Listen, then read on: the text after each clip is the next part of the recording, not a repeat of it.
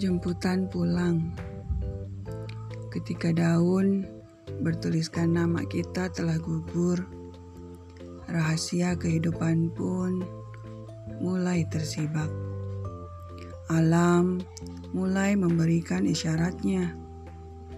Perlahan tapi pasti jadwal kepulangan kian mendekat. Usai sudah jatah menyiapkan bekal pulang.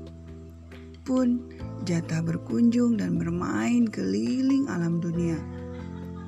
Tak bisa diundur, tak bisa juga dimajukan. Sungguh jadwal yang tidak bisa diganggu gugat. Tak bisa diinterupsi, bahkan oleh yang mencintai kita.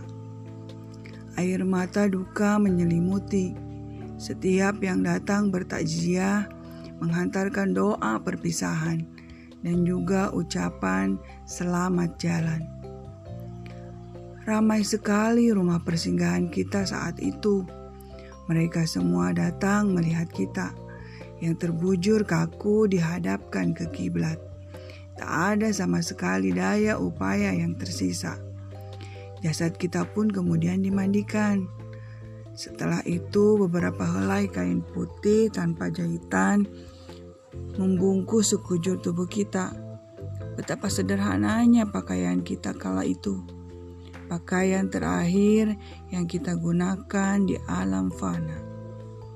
Sebelum jemputan datang, sering kali kita merasa terpaksa melaksanakan sholat. Berharap bisa menjadi salah satu bekal andalan saat pulang. Kini sholat pun tak bisa kita lakukan. Sampai-sampai mereka yang berkunjung, merekalah yang ramai-ramai mensolatkan kita. Kini waktunya menuju tempat penantian sementara.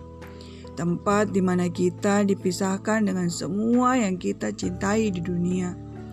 Ruang tunggu menuju gerbang ke tempat pulang selamanya.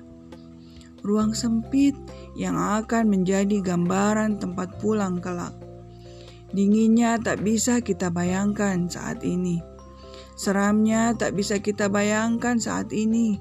Sempitnya tak bisa kita bayangkan saat ini. Lapangnya tak bisa kita bayangkan saat ini.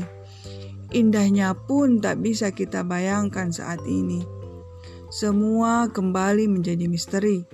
Misteri yang harus dilewati sampai sangkakala dibunyikan dan setelah itu pun masih harus melewati rangkaian perjalanan pulang yang masih panjang.